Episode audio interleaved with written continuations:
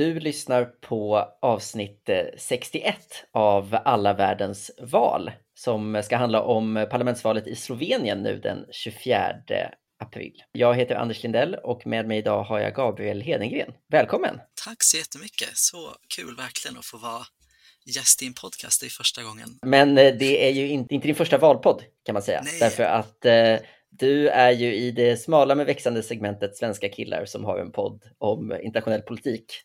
Så är du en superstjärna. eh, ja, det vet jag inte, men jag, jag poddar för Europelex som följer politiska val över hela Europa, så vi är lite snävare än vad den här podden är. Så jag, eh, var och varannan vecka så intervjuar jag akademiker, och journalister och politiker om olika valevents eller andra trender inom europeisk politik och eh, Europelex, precis som här, så vi ser det som vår nisch att vi verkligen fokuserar på alla länder och inte utelämnar någon på grund av storlek eller annan medialogik som större medier och poddar gör. Så att eh, det här ska bli väldigt kul verkligen att få prata om ett litet land som Slovenien. Ja, verkligen. Och jag kan verkligen rekommendera eh, Europlex podd. Finns precis som vi, där poddar finns. Och eh, kommer ut, ni kommer ut typ varannan vecka va? Ja, typ varannan vecka. Det är det vi, eh, vi satsar på. Vi har precis gjort om vår struktur så vi gör eh, en nyhetspodd där det är liksom snabba nyheter och vi fokuserar väldigt mycket på opinionsmätningar. Så det är min passion kan man säga. Och sen varannan vecka gör vi mer djupgående intervjuer. Men eh, ja, var och varannan vecka kommer det något i flödet. Just det. Men eh, nu har vi alltså en härlig stund framför oss om det här lilla, lilla landet som du nämnde. Jag tycker typ att det är Europas mest generiska land. Det är som en blandning av allt, Slovenien. Ja, verkligen. Ligger i Centraleuropa, har både alper, lite hav, har varit del av liksom, romarriket, har varit del av Österrike-Ungern, har varit del av Jugoslavien. Ja, det känns som att så här, skulle man göra en film om Europa så skulle man spela in den i Slovenien. Liksom. Verkligen. Om vi ska säga någonting om så här, historien som är relevant här så eh, blev Slovenien självständigt 91 när Jugoslavien föll samman och hade väl den mest liksom, skonsamma självständigheten eh, jämfört med de andra. Det var inte ens hundra personer som dog i, i liksom, eh, det krig som Slovenien hade. Eh, och man gick liksom ut först och var väl liksom snabbast in i någon slags integrering med övriga Europa. Så att Slovenien har ju verkligen, är ju nu ett av världens mest eh, liksom, välmående länder och har liksom ett jättehögt eh, HDI. Jag tror man har högre HDI än både Frankrike och Spanien till exempel. Så att det är ju ett, ett land som har en ganska framgångsrika 30 år bakom sig på många sätt. Man båda blivit självständiga och verkligen kommit upp på fötter ekonomiskt. Då. Och sen som typ många vet, om man vet någonting om Slovenien så vet man väl att det är väldigt litet. Det är mindre än Ångermanland till exempel, så att det ligger liksom, så det är typ absolut minsta länder och ligger där inklämt mellan Österrike, Italien, Ungern och Kroatien. Eh, och jag tycker, vi kommer ju komma in på det, men jag tycker apropå med att det, att det känns lite som en blandning av allt, så känns det som att det finns liksom flera trender i slovensk politik som också typ är som en blandning av flera europeiska trender. Det, det blir som en teaser till sen, men, men har, har du någon, innan vi började göra det här, har du någon liksom förförståelse för eh, slovensk politik? Lite grann, alltså min, min bild är att det är mycket volatilt, att det brukar vara så som det är i vissa länder i eh, framförallt Östeuropa, att inför varje val är det nästan alltid en aktör eller ett parti som liksom språngar. Det är väldigt mycket som formas i opposition till sittande regering, mm. eh, väldigt många olika partier så det är svårt att hålla koll på, eh, vilket inte gynnar deras mediaprofil i utlandet kan man väl säga. Så det är väl mest det, att det liksom är mycket, mycket som händer och stora rörelser i opinionen, vilket eh, man kanske kan säga är fallet i många länder som demokratiserades på, på 90-talet. Det finns ju inte samma rötter tillbaks liksom, 100 år i tiden som det Nej. gör i i Västeuropa. Inte för att det betyder något för alla partier i Västeuropa. Man kan kolla på socialistpartiet i Frankrike eller så till exempel. Men eh, det är väl det som, man, som jag tänker på när jag tänker på slovensk politik. Just det, ja, men har, vi har ju nyligen haft avsnitt om både Serbien och Ungern till exempel som ju delar historia båda två på olika sätt. Och där har man ju verkligen den, liksom att oppositionen mot eh, regeringen har varit, har liksom varit väldigt, väldigt splittrad och tar form i massa olika partier och så. Och så är vi ju även här, kommer vi in på. Men ska vi säga något om det politiska systemet då? Det är ju ett parlamentsval alltså, som väljs nu. Slovenien har också en president och eh, den kommer väljas i eh, oktober i år också. Men det är liksom inte det viktiga här, utan det är verkligen parlamentet som är basen för vad som händer och det är liksom premiärministern som betraktas som landets ledare. Men vi kan ändå nämna namnet på presidenten som är Borut eh, Pahor och som är den som eh, också utlyste det här valet, för det är liksom en av presidenternas uppgift. Eh, och han har suttit sedan 2012 och avgår därför i år, för man får bara sitta två mandatperioder, de är fem år långa. Eh, men själva parlamentet då, det är ett, tvåhusparlament. Så man har liksom ett överhus, men det här överhuset verkar ha en, också en ganska begränsad makt, men kan framförallt bromsa lite saker och så. Och det kallas det nationella rådet och väljs indirekt på lokal nivå. Och sen så har man då det som verkligen spelar roll och det är det som kallas nationalförsamlingen. Och där har man 90 platser 88 av dem väljs i exakt lika stora valkretsar, alltså åtta valkretsar som väljer 11 platser var. Vet du hur de andra två, de resterande två väljs? det är som det är i eh, en del östeuropeiska länder framförallt, att de har åsidosatts till nationella minoriteter. Så i det här fallet är det ungrare och italienare som eh, då är två grannländer med populationer inom Slovenien. Precis. Det känns liksom så roligt att italienarna har en egen liksom, minoritet med särställning. Jag vet inte varför jag tycker det känns kul, men det känns lite liksom udda på något sätt. Ja, att de skulle behöva kvoteras in. Så utöver den här eh, kvoteringen av italienare så har man också en eh, könskvotering faktiskt, där varje parti måste ha en tredjedel eh, av vardera kön på, på listorna. Så att det är inte liksom kvotering direkt i parlamentet, men ändå hårdare än då till exempel vi har i Sverige. Och det man också ska säga är att de här valen är liksom proportionella, så att man har just, just listor och det blir väldigt proportionerligt. Jag kan säga att eh, precis som i Sverige så har de 4% spärr.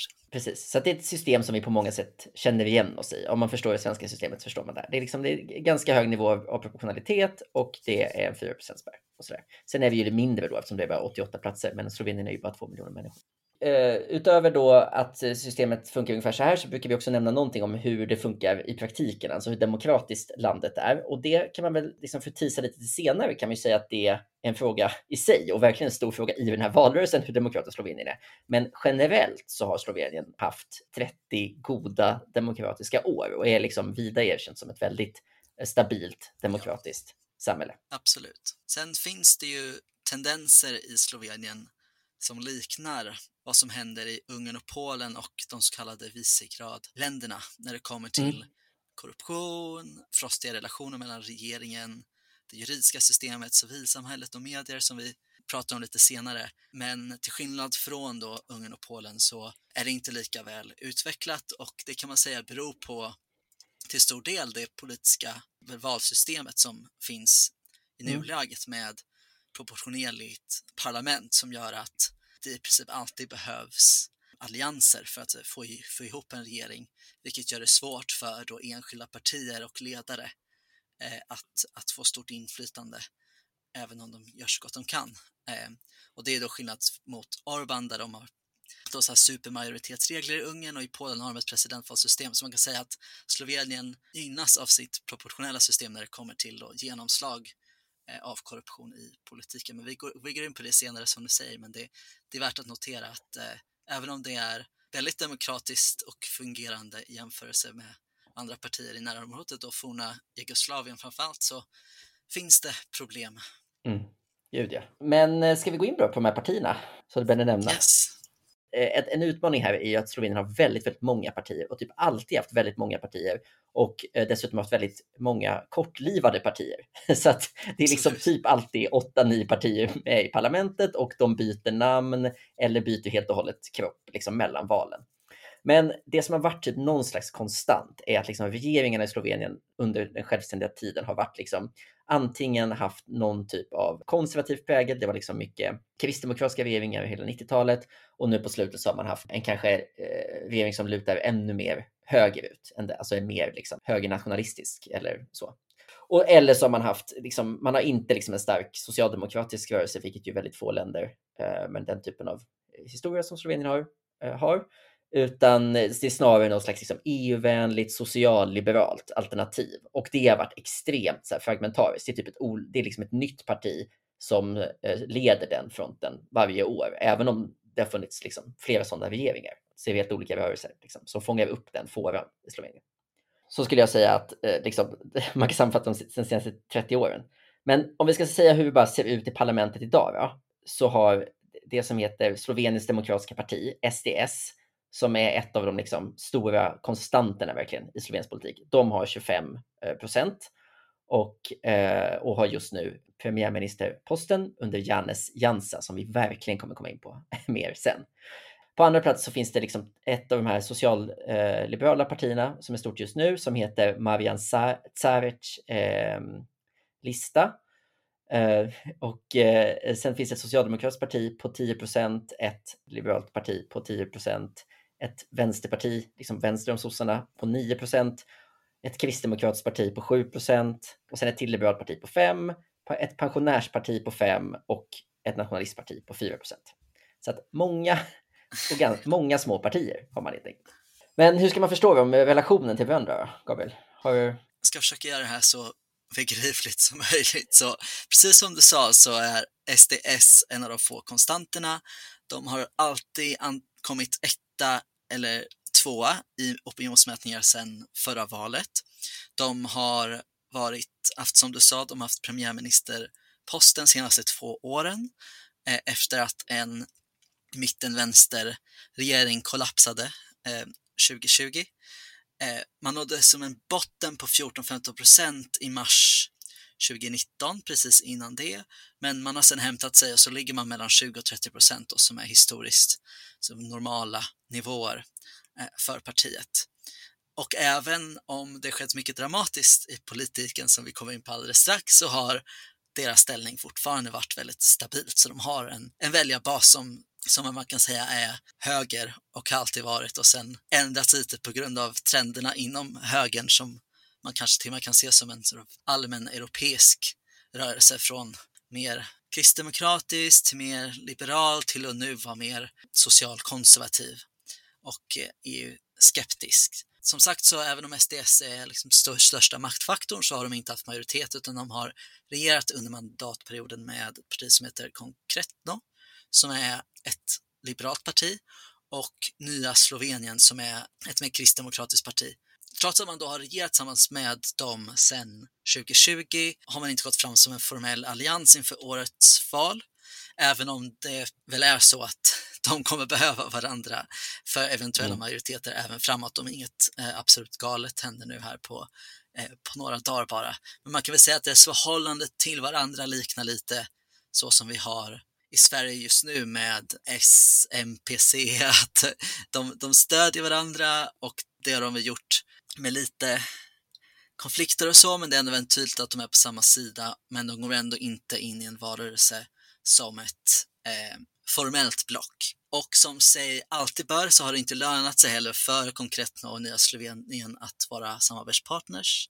Inom ett år, precis efter förra valet, tappade Konkretnos föregångsparti, så igen, de, Konkretna är ett nytt parti efter senaste valet, men de tappade i alla fall från 9-10 eh, procent, 10 i valet ska man säga, till bara runt 1 ett år efter, vilket visar på hur snabbt det kan gå i slovensk politik. Sen efter det så har de slagit sig samman med ett utomparlamentariskt parti som kallas för Economic Activity Party, eh, som också är liberalt, men det har inte heller haft någon effekt.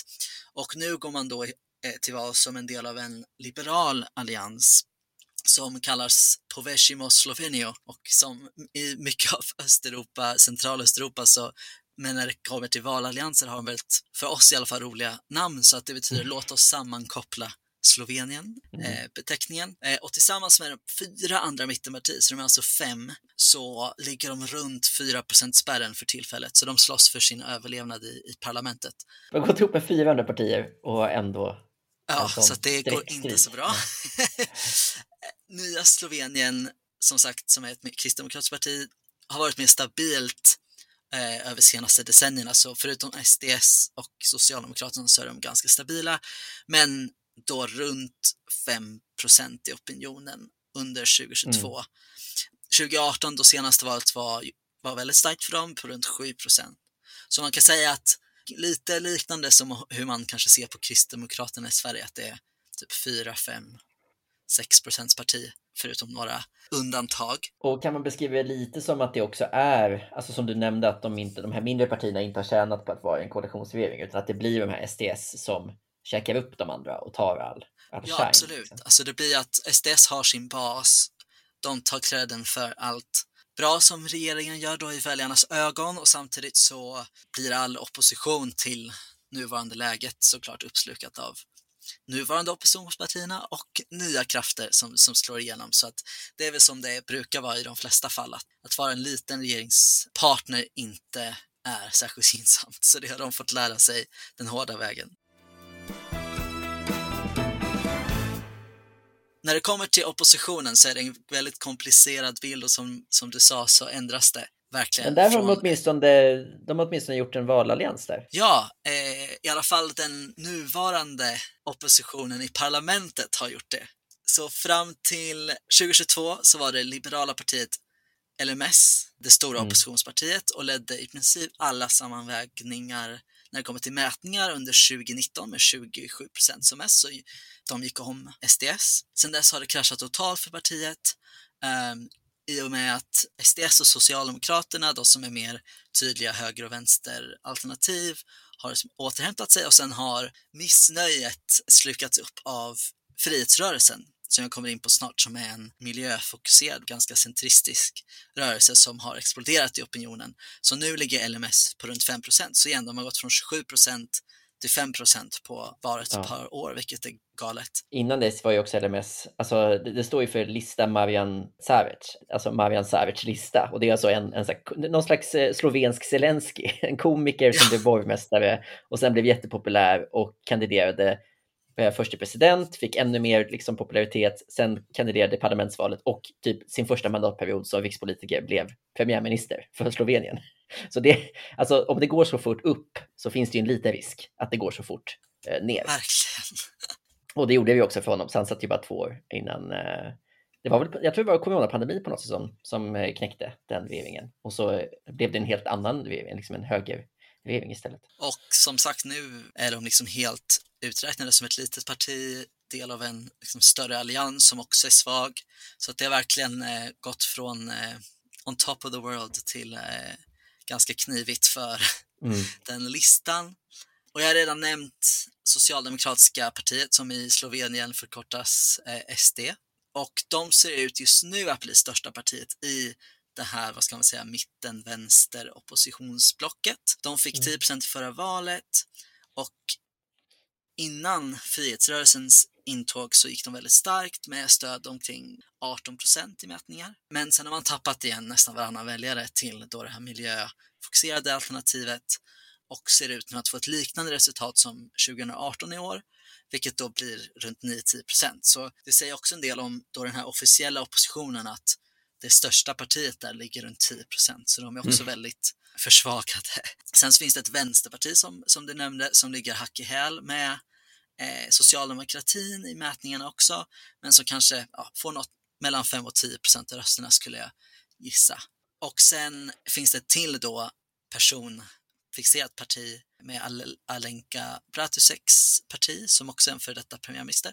Och då, hon och den listan ligger runt 3 procent, så de ligger skakigt till i opinionen. Så det kan Ja. bli att det enbart blir tre partier i den här alliansen. Och så som det ser ut nu har de runt 20 procent i mätningarna, vilket är så lägre än enbart SDS. Så det ser verkligen inte bra ut för dem som allians på det sättet. Men eh, det här beror ju då på frihetsrörelsen. Ja, och nu är är vi, att- Nu är nu är vi spända på att höra. på det roliga. Som, alltså, om det, hade det hänt i något annat land hade det varit verkligen big news. Egentligen kan man säga att det är lite likt typ Macron 2017, att det liksom bara kommit en jättestark rörelse från ingenstans över liksom ett, ett år eller så. Eh, och nu ser det ut att bli den stora maktfaktorn. De har slagit sig fram som en grön, progressiv röst i kontrast till majoriteten av de andra partierna. De grundades för bara ett år sedan. Eller jag tror att de gick in i ett parti, det är liksom ett grönt parti som fanns, men som bytte namn och blev av någon anledning, istället för att starta en ny organisation, så var de, de här, den här enstaka procenten de hade eller någonting, som språngbräda.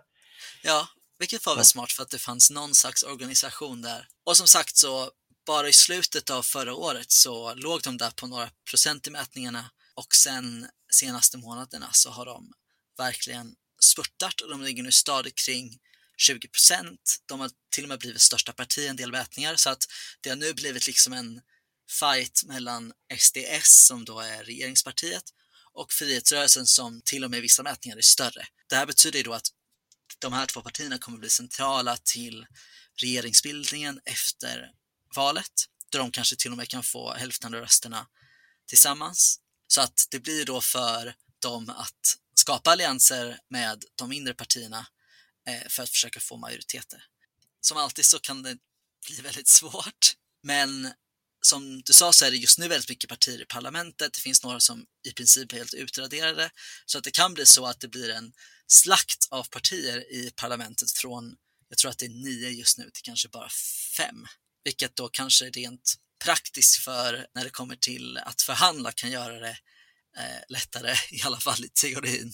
Men det måste vara en konstig känsla för de här liksom, oppositionspartierna som har suttit nu. Det har ju varit liksom, man har haft två helt olika eh, regeringar under mandatperioden ja. trots att det är samma parlament. Och så har man en opposition som nu säger, ah, men fan nu är vi valår, nu enar vi oss, vi går fram med liksom en gemensam liksom, allians inför det här valet. Och så kommer en helt annan rörelse på ungefär samma sida som de själva och gör den alliansen helt värdelös. Därför att de, ja. måste, de måste ju bryta den om, för att kunna vara med i regering. Eller så måste de förhandla med honom som typ ett enskilt parti. Så kan det ju bli.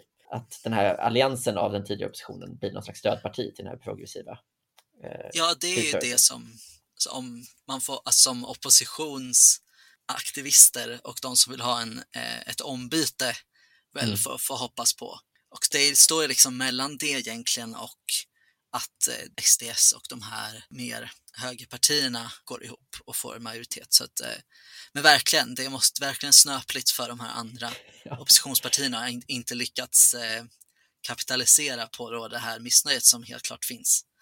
Men ska vi uppehålla oss lite vid frihetsrörelsen och liksom prata om vad som är framgångarna där egentligen och vad de driver egentligen? Du nämnde att det var ett grönt och eh, liksom brett centristiskt mittenparti och de är alltså grundade av en man som heter Robert Golob som är typ strax över 50 och har liksom jobbat i, i en av de tidigare regeringarna, en av de här socialliberala regeringarna på tidigt 2000-tal.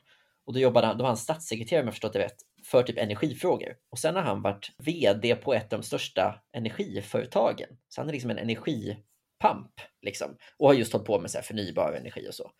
Eh, så att han kommer liksom från det hållet och har liksom klimatet som är väl den stora frågan som han har dragit på och är väl den han har varit kapabel att liksom bre ut sig lite med. Den mediasätt som har varit kritisk med honom har ju varit eh, att han kanske inte riktigt har så mycket svar på de andra frågorna än just klimatet, utan då blir det kanske mer så. Det ska vara mer hopp och vi ska ha mer EU och vi ska ha fler unga som får vara med. Eller har du hittat något mer på hur man kan förstå hans politiska projekt? Liksom? Nej, jag tror att det, det är också en trend just med gröna partier i den här delen av världen också. I alla fall, man, det är liknande vad som skett i Kroatien för till exempel. Har också det gröna partiet lyckats liksom skaffa sig en sån liksom centristisk position mm. och lyckats vara en, både en företagarvänlig och ändå progressiv aktör inom systemet, vilket ju då, jag kan tänka mig liksom att man, man ser det som att i och med att de sittande regeringen är så pass konservativ så kan man lägga sig ganska mycket i mitten och samla väljare runt progressiva värden. Sen är det också värt att säga i länder som Slovenien och Ungern och forna Jugoslavien så är oftast traditionella vänsterpartier konservativa socialt. Mm. Så att det finns inte samma koppling som det gör i Västeuropa generellt sett mellan vänsterpolitik ekonomiskt och socialt progressiva värden som liksom har blivit helt naturligt i alla fall senaste liksom 20-30 mm. åren i hur vi ser på politik i Sverige till exempel. Så ser det inte ut i Slovenien utan han har liksom lyckats ta sig fram som en mitten slash vänster person som kan liksom ta väljare både från de liberala partierna, lite missnöjda högerväljare och sen då framförallt urbana, mer mitten-vänster väljare också. Och sen är det väl att han är erfaren politiskt. Det är lite, igen, lite samma som Macron, att ha varit i bakgrunden, varit sekreterare i lite olika partier. Mm. Han är klart liksom en politisk entreprenör som bara har lyckats eh, tajma det här väldigt rätt. Men eh, ska vi snacka lite om frågorna då? Vad som gör att den här tajmingen funkar så bra? Ja, och det här märker jag med Europelex också eh, nu för tiden att det är ju väldigt svårt att komma ifrån två frågor som tyvärr plågar i princip alla partier i Europa och det är ju levnadskostnader, plånboksfrågor och som då är till stor del resultat av kriget i Ryssland. Det kan man säga att det är de frågorna som, som har dominerat de senaste veckorna.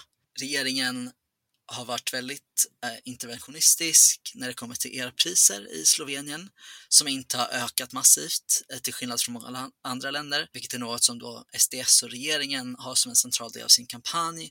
De har gett direkta stöd till medborgarna, subventioner till elbolag och de har också lovat att snabbt söka alternativa energikällor till rysk olja och gas. Så det här liknar liksom en strategi som väldigt många länder har tagit i att mm. det lönar sig att vara väldigt snabb, interventionistisk, gör att folk, liksom, även om det inte räcker jättelångt, om man ser till liksom månader eller hela året, just att ge väldigt snabbt stöd för att visa att de menar allvar med att möta levnadskostnadsproblem. Mm. De har också lovat som en del av sin kampanj hundratals miljoner euro till landets jordbrukssektor. Så det är också det här liksom protektionistiska vändningen som, som, som sker även där. Golob då, från Frihetsrörelsen, han håller väl med om mycket som görs men vill göra mer som sig bör av en oppositionspolitiker. Mm. Han vill subventionera medborgarnas elpriser mer och sätta större press på bolagen att söka nya källor till energi då, även om det kommer med betydande kostnader för, för bolagen. Så han sätter väl lite mer fokus då på, på medborgarna. Och liknande då till regeringen så vill de också stötta den inhemska marknaden. Det är både Frihetsrörelsen och då Socialdemokraterna som ligger ganska nära varandra när det kommer till ekonomisk politik. De vill subventionera matmarknaden i Slovenien, sätta in restriktioner på export och Socialdemokraterna är då lite mer pro-business, eller vad man ska säga, än Frihetsrörelsen och vill skjuta till mer stöd till den privata sektorn. Sen är det intressant med Frihetsrörelsen för att de har också en liten vad ska man säga, populistisk, eh, om man får använda det ordet. Just det att de mm. är både då det här mitten-vänster perspektivet på att prioritera medborgarna, men samtidigt så är de för sänkta inkomstskatter till exempel för nyanställda och andra grupper också. De är för höjda pensioner. Så att de plockar liksom lite från båda sidor och vill egentligen bara vara mer ambitiös på alla sidor, vilket då eh, verkligen går hem. Ja, det verkar verkligen funka. Apropå um, Rysslands uh, anfallskrig då, så, så är det inte bara något som driver upp elpriserna, utan det är också ett, ett krig. Oh. Och det har ju påverkat de här länderna som du nämnde lite, alltså just att Ryssland har ju spelat roll som liksom politisk symbol för många av länderna i Central och, och Östeuropa. Och det här har ju liksom verkligen hänt även i eh, Slovenien, att man har tvingats ta tydligare ställning eller till och med byta ställning i eh, någon slags liksom, fråga mellan EU eller Ryssland. Ja, absolut. Det har man väl sett framför allt i Ungern och Polen, men det är intressant då för att Slovenien finns någonstans emellan som Polen verkligen har bytt retorik och sida, alltså nästan en hel omvändning till att verkligen vara mm. anti-Ryssland. Mm. Så Orban som precis blev omvald tog en slags mittenposition. Han spelar båda sidorna kan man säga i mm. sin retorik. Så Slovenien, de har väl inte varit lika påverkade av Ryssland på det sättet, men SDS Nej. och premiärministern har väl i sin retorik då liknat de här andra länderna och Ryssland i då kritik mot EU framförallt, kritik mot liksom progressiva värderingar, använt en allmän retorik kring att medierna är köpta av, av väst. Eh, sånt. Ni vet hur det... Men det är väl också lite så här att om, om Orbans problem, nu var det ju inget problem, han blev ju omvald med enkelhet ja. i och för sig, men om Orbans problem har varit sina täta band till eh, Ryssland så kanske det är så att eh, Janis Jansas problem är att han har så täta band till Orban. Alltså han har ju liksom uttryckt ett stort stöd för Ungern och man har ju alldeles uppenbart liksom också berevats av hur Orban hanterar sitt politiska klimat. Ja, för det som har hänt lite är ju att det blir en spricka, som du nämnde de här Visegradländerna, så finns det ju en spricka nu på grund av, av Ryssland. Uh, och Slovenien är inte med där, men de de vill ju vara. De är ju en liten hangaround till Visegrad-länderna. Ja. Och, eh, och har ju kanske liksom fått lite samma problem. Att så här, man står plötsligt lite på fel sida av kanske både historien och samtiden. Och så ja. Det känns som att Jansa har försökt liksom snabbt ändra det där. Liksom. Jag tycker det har varit anmärkningsvärt och han, det är liksom, folk har reagerat på det lite. Att han, han åkte tillsammans med Tjeckiens och Polens premiärministrar till Kiev typ i, alltså det är en månad sedan nu, så de var liksom först som gjorde det och det blev lite rabalder i EU för att folk var inte helt överens om att det var en smart idé att de åkte dit. Så att man liksom plötsligt gjorde en väldigt ja, men stark markering. Och då om man kopplar det då specifikt till eh, valrörelse så är det väl så som, som det är i många länder att det folkliga stödet och trycket har ju varit väldigt anti-Ryssland. Mm. Så att, att göra tvärvändningen, att liksom ses som väldigt tydlig, stabil, eh, liksom in i det här då väldigt eh, komplicerade och då farliga läget för mm. Europa. Eh, om man är cynisk så är det ju alltid gynnsamt för sittande regeringar och det har väl Jansa, det vet ju Jansa såklart. Så jag mm. tror att från vad, vad, man kan läsa sig till och förstå så har han lyckats få till den balansen rätt. Så att även om det självklart är en stor del av debatten och nyhetsflödet så är det inga jättestora bråk om det här just nu, utan snarare så skulle jag väl gissa, eh, om man får det, att det, det kommer gynna honom. Eh, även om det inte kanske ökar jättemycket så tror jag definitivt att det är till, eh, till regeringens fördel så som det är i, i nästan alla länder han har liksom lyckats desarmera den frågan. Därför att det kan man säga att generellt i Slovenien har det funnits ett stort, väldigt stort intresse liksom för typ ökad EU-integrering och sådär. Och så bland nästan bland alla partier har varit väldigt EU-vänliga, liksom, ja. såväl till vänster som till höger. Förutom just SDS, som ja. Jansa leder. Och som är liksom, så de har ju varit det partiet som har varit mest skeptiska mot, mot EU och kanske liksom spelat mer på, på den här socialkonservativa kritiken av typ europeiska värderingar. Eh, men medan man nu snabbt liksom städar undan den åsikten. Liksom. Definitivt. Ska vi gå in lite på Jansen? Vi har inte, vi har inte pratat om honom så mycket som person.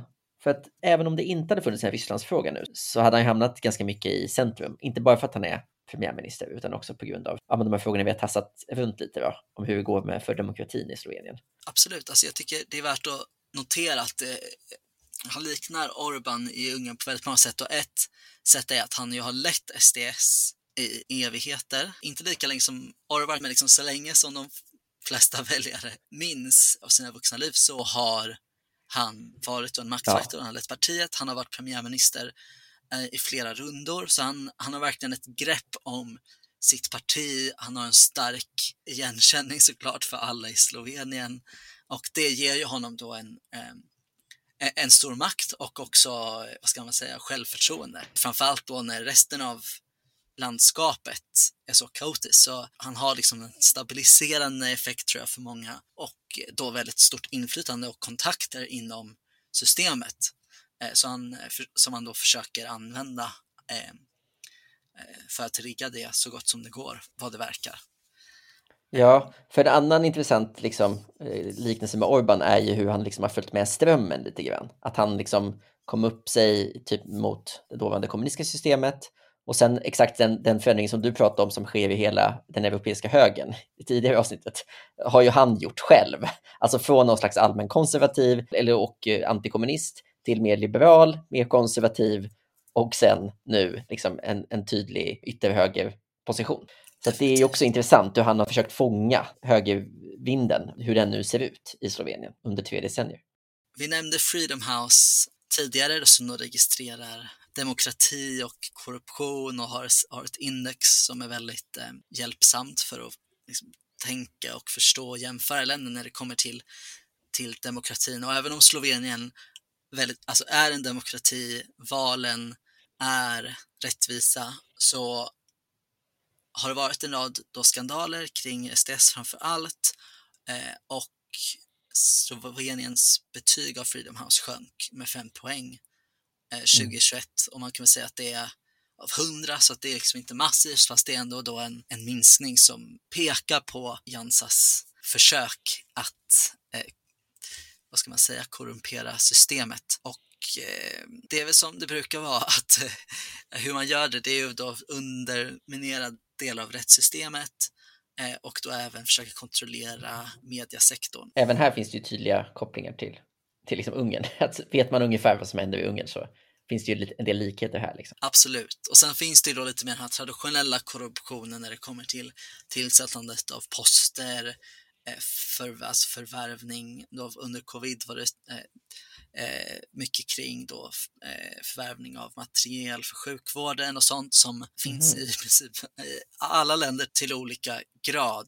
Men en stor skillnad som är viktig att påpeka med Slovenien är att medielandskapet är re relativt fritt och mycket friare än i till exempel framförallt Ungern. Eh, mm. Men även Polen och mycket av forna Jugoslavien, till exempel Serbien, där det är mer och mer knappt finns fria mm. medier mm. som har i alla fall resurser att nå ut till befolkningen. Och I Slovenien finns det många olika nyhetssajter på engelska och slovenska som rapporterar om olika korruptionsanklagelser och fall och politiken. Så att det, det är en mer dynamisk situation och då i och med systemet självt som jag nämnde tidigare så eh, är det väldigt svårt för Jan att komma undan med liknande saker som andra ledare gör eh, i central och östra Europa. Alltså man kan ju se det på två sätt. Det ena är så här, ja, men försöker man typ påverka rättsväsendet och medier för att liksom ha ett hårdare grepp om makten. Man har till exempel så här, eh, hållit inne eh, en del betalningar som skulle gå till public service, vad jag förstått, och liksom